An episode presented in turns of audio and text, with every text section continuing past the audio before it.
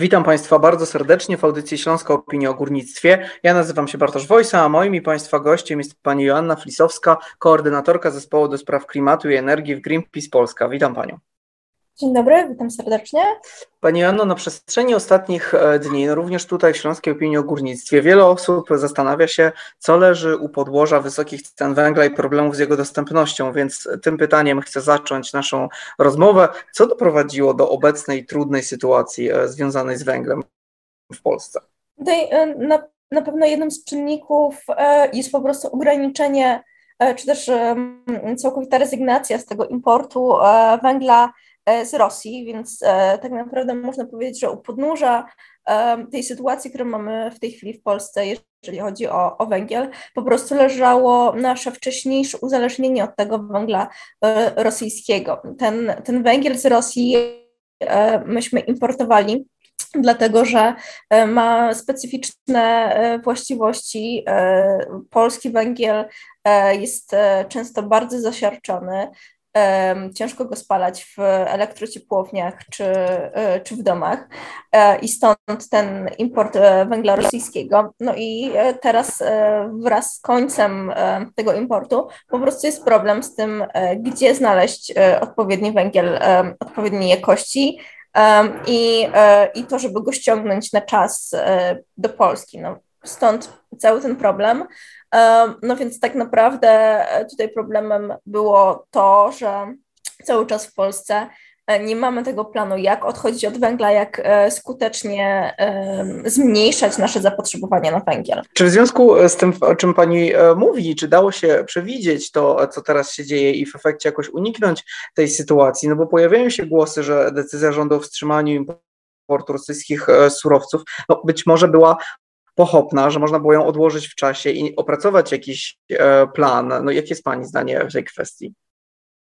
Um, znaczy, ciężko mi tutaj oceniać, na ile to była decyzja pochopna e, lub nie, biorąc pod uwagę to, w jakim kontekście została podejmowana, czyli mm w mhm. kontekście e, wojny w Ukrainie. Natomiast e, na pewno to była decyzja, e, która była nieprzygotowana. To znaczy, no właśnie, nie było planu tego, w jaki sposób zastąpić ten udział e, importowanego węgla E, nie było planu, skąd go wziąć, e, jakich ilości naprawdę potrzebujemy.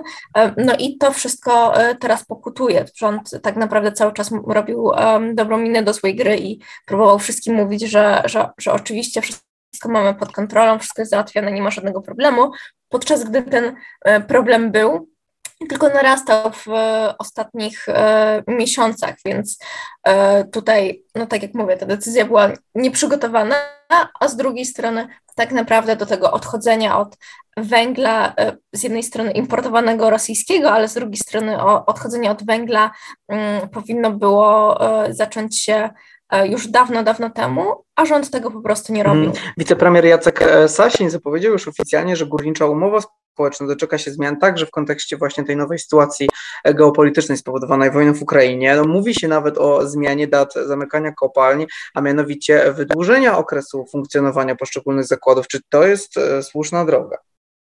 Moim zdaniem nie. Po pierwsze, dlatego, że ta sytuacja, te niedobory węgla, które mamy w tej chwili, to nie jest ten węgiel, który wydobywamy mm, w śląskich kopalniach, więc tutaj e, to niczego nie zmieni. To po pierwsze. Po drugie, Znowu, tak naprawdę e, u podłoża wszystkich naszych problemów w tej chwili jest uzależnienie od paliw kopalnych, uzależnienie od węgla i od gazu. I my powinniśmy przyspieszać naszą transformację energetyczną w tej chwili jak najbardziej, a nie ją opóźniać. I to widzimy e, po tym, jakie działania są podejmowane przez e, masę innych krajów Unii Europejskiej. One mhm. wszystkie mówią o tym, że Trzeba przyspieszyć inwestycje w odnawialne źródła energii, trzeba przyspieszyć inwestycje związane z efektywnością energetyczną. No a co robi polski rząd? Polski rząd e, w tej chwili znosi e, zasady, e, jeżeli chodzi o, o, o standardy emisyjności dla węgla spalanego w naszych domach co przyczyni się do smogów również zimą. Polski rząd dalej blokuje energetykę wiatrową na lądzie rzucę kolejne kłody pod nogi, jeżeli chodzi o rozwój energetyki słonecznej w Polsce, która od e, kwietnia tak naprawdę zamarła. No i nie robi nic w kontekście odchodzenia od energetyki zarówno gazowej, jak i węglowej, i tylko planuje kolejne elektrownie gazowe na gaz, który w tej chwili jest ekstremalnie drogi.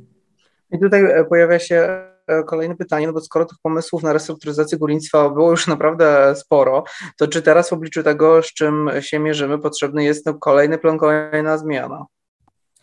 No, to znaczy, z mojej perspektywy, to co mieliśmy do tej pory, trudno nazywać e, jakimś planem. Mieliśmy pewien, pewien harmonogram wygaszenia e, kopalni, natomiast e, po pierwsze, to nie był nigdy harmonogram wygaszenia wszystkich e, kopalń e, na węgiel w Polsce, a po drugie, on nie był przygotowany e, wspólnie z, ze strategią energetyczną państwa. Zresztą polska e, e, strategia energetyczna, polityka energetyczna państwa 2040 to jest dokument, który od początku nadawał się od, do kosza. No jest już aktualny drugi rok, tylko że jest zupełnie nieaktualny, zupełnie nieprzystający do rzeczywistości. E, no więc tak naprawdę my cały czas, jeżeli chodzi o tą e, strategię energetyczną e, w Polsce, o transformację energetyczną, czy, czy raczej brak tej transformacji energetycznej, my cały czas poruszamy się po omacku bez żadnego konkretnego, spójnego planu. Myślę, że warto tutaj też przypomnieć, że górnicza umowa społeczna no, nigdy nie, nie doczekała się nawet notyfikacji w Komisji Europejskiej. Dokładnie tak, to znaczy ona została gdzieś tam przekazana, natomiast po chwili e, zostały e, przekazane informacje na temat planowanych zmian, więc e, proces tak naprawdę nigdy nie ruszył, więc tutaj ciężko w ogóle w jakikolwiek sposób na poważnie odnosić się do tego dokumentu. Wspomniała Pani o e, dokumencie Polityka Energetyczna Polski do 2040 roku. No, gdy negocjowano e, zapisy górniczej umowy społecznej, to już wtedy pojawiły się takie głosy, że te dokumenty się wykluczają. Wcześniej e, inne porozumienia również wykluczały zapisy z tych kolejnych dokumentów. Czy tak wiele zmian w tak krótkim e, czasie i jakby pokazanie, że no nie ma takiej spójnej, e, spójnego pomysłu na to górnictwo, nie sprawi z kolei, że sami mieszkańcy zaczną być e, sceptyczni co do tego, jak te zmiany mają przebiegać, bo nie będą mieli poczucia, że rząd wie, co robi. Znaczy, tutaj jest trochę pytanie, czy mieszkańcy do tej pory mieli poczucie, że rząd wie, co robi. No tutaj też myślę, że to jest kwestia dyskusyjna i osobiście e, też jako e, mieszkanka e, Katowic wieloletnia miałabym poważne wątpliwości co do tego, bo wydaje mi się, że tak naprawdę do tej pory nie był przedstawiony żaden konkretny plan dla Śląska, nie było wizji, nie było rzetelnych konsultacji społecznych z mieszkańcami, mieszkań, mieszkankami Śląska na temat tego, jak widzą swój region po węglu nie było e, planów tego, jakiego typu inwestycje potrzebujemy na Śląsku, jakiego typu zastrzyku e, do lokalnej e, gospodarki potrzebujemy. No tego, tego wszystkiego nie było, a przynajmniej nie było na poziomie rozmów z rządem, tylko mm, jedynym interes, interesariuszem, którym był zainteresowany rząd, no to były rozmowy ze związkowcami i to tyle. Więc wydaje mi się, że tutaj ciężko e, jakby mówić o właśnie budowie jakiegoś zaufania, bo ja e, czuję, że nie było podstaw, żeby, żeby to zaufanie pojawiło się e, tak w ogóle. Więc tutaj oczywiście takie co chwilę zmienianie zdania i przedstawiania różnych harmonogramów, różnych celów na pewno nie pomaga. Natomiast no ciężko, e, ciężko byłoby oczekiwać, że teraz będziemy wdrażać jeden z planów, który jest tak naprawdę bezsensowny, który nie ma żadnego, żadnego związku z rzeczywistością, e, prawda? Więc to, czego my naprawdę potrzebujemy, to rzetelna strategia energetyczna państwa, która będzie e, obejmowała różne obszary, i jeżeli chodzi o tą dużą energetykę, i jeżeli chodzi o e, kwestie górnictwa, ale również e, potrzebujemy strategii na to, w jaki sposób e, wspierać najuboższych, bo wiemy, że chociażby tej zimy będzie ogromny problem, ale to nie będzie jedna zima, w trakcie której będziemy mieć problem i z cenami surowców, i z cenami energii. To jest sytuacja, która utrzyma się z nami prawdopodobnie przez kilka lat. I teraz z jednej strony musimy oczywiście wspomóc najuboższych w tej chwili, jak się da, tak żeby było ich stać na ogrzanie z domów, ale z drugiej strony powinniśmy e, również wspierać ich w ten sposób, żeby stać ich było na to, żeby zużywać tej energii mniej, czyli e, żeby był e, było odpowiednie wsparcie na termomodernizację, wymianę okien, wymianę może źródeł ciepła, tak żeby z jednej strony po prostu ograniczyć ilość energii potrzebnej do ogrzania domu, a z drugiej strony jak najszybciej wspomóc również wymianę tych źródeł ciepła na E, najbardziej ekologiczne, e, które nie, nie będą wymagały od nas spalania paliw kopalnych. Mm, do tego zagrożenia ubóstwem energetycznym za chwilkę przejdziemy, ale chciałem rozwinąć jeszcze wątek odnawialnych źródeł e, energii, o którym już Pani wspomniała. No słusznie Pani zauważyła, że wstrzymanie importu surowców z Rosji wpływa nie tylko na plany rządu dotyczące węgla, ale też chociażby na plany dotyczące gazu. I czy to nie jest ten moment, kiedy no, powinniśmy odstawić te dwa surowce, no, prawdopodobnie nie całkowicie, no bo nie jest to raczej możliwe, ale w takim dużym stopniu i postawić właśnie na rozwój OZE. No to jest zdecydowanie ten moment właśnie na to, żeby e, postawić na odnawialne źródła energii, rzeczywiście skupić się na rozwoju energetyki wiatrowej, energetyki słonecznej w Polsce, bo to są te źródła energii, które z jednej strony są w stanie nam dostarczyć dużo energii, e, niezależnej od importu, a z drugiej strony to w tej chwili jest najtańsza energia. To jest ta energia, która będzie nam obniżać skutecznie e, rachunki za prąd, podczas gdy energia zarówno z węgla, jak i z gazu, e, będzie nam te rachunki po prostu zwiększać, co już w tej chwili zresztą dość boleśnie e, widzimy.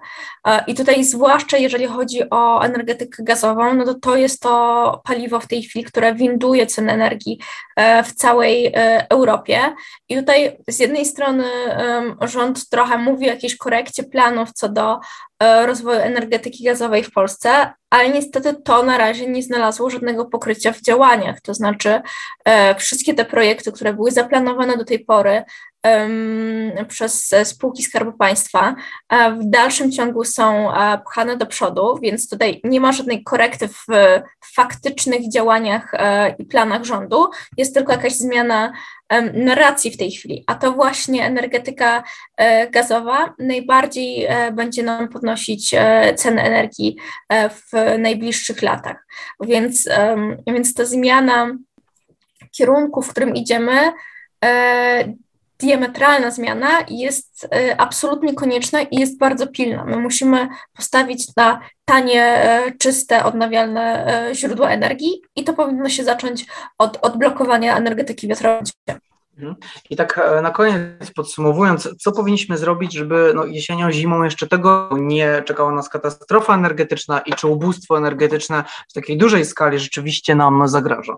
My musimy przede wszystkim oszczędzać energię, to znaczy im mniej tej energii będziemy zużywać już teraz, spalając mniej węgla, jak i w zimie, tym więcej e, tego paliwa e, no mimo wszystko nam zostanie na, e, na naszych domów, tym cena może będzie ciut mniejsza. I, I to jest jedna rzecz. Z drugiej strony, tam gdzie jeszcze jest to możliwe, należy jak najszybciej zainwestować w ocieplanie budynków, tak żebyśmy tej energii zimą potrzebowali jak najmniej. Mhm. No i finalnie, e, no po prostu e, oszczędzajmy energię, bo to będzie kluczowe w kolejnych miesiącach. Pani Anno, i tym apelem zakończymy. Będziemy śledzić rozwój wydarzeń, oczywiście w tych wszystkich wątkach, które poruszyliśmy. Tutaj jeszcze ważna informacja dla naszych słuchaczy o sprawach dotyczących górnictwa, klimatu i nie tylko. Możecie Państwo codziennie czytać na naszej stronie internetowej śląskoopinia.pl. A ja dziękuję Pani bardzo za rozmowę. Naszym gościem była Pani Joanna Flisowska, koordynatorka zespołu do spraw klimatu i energii w Greenpeace Polska. Dziękuję bardzo. Dziękuję bardzo.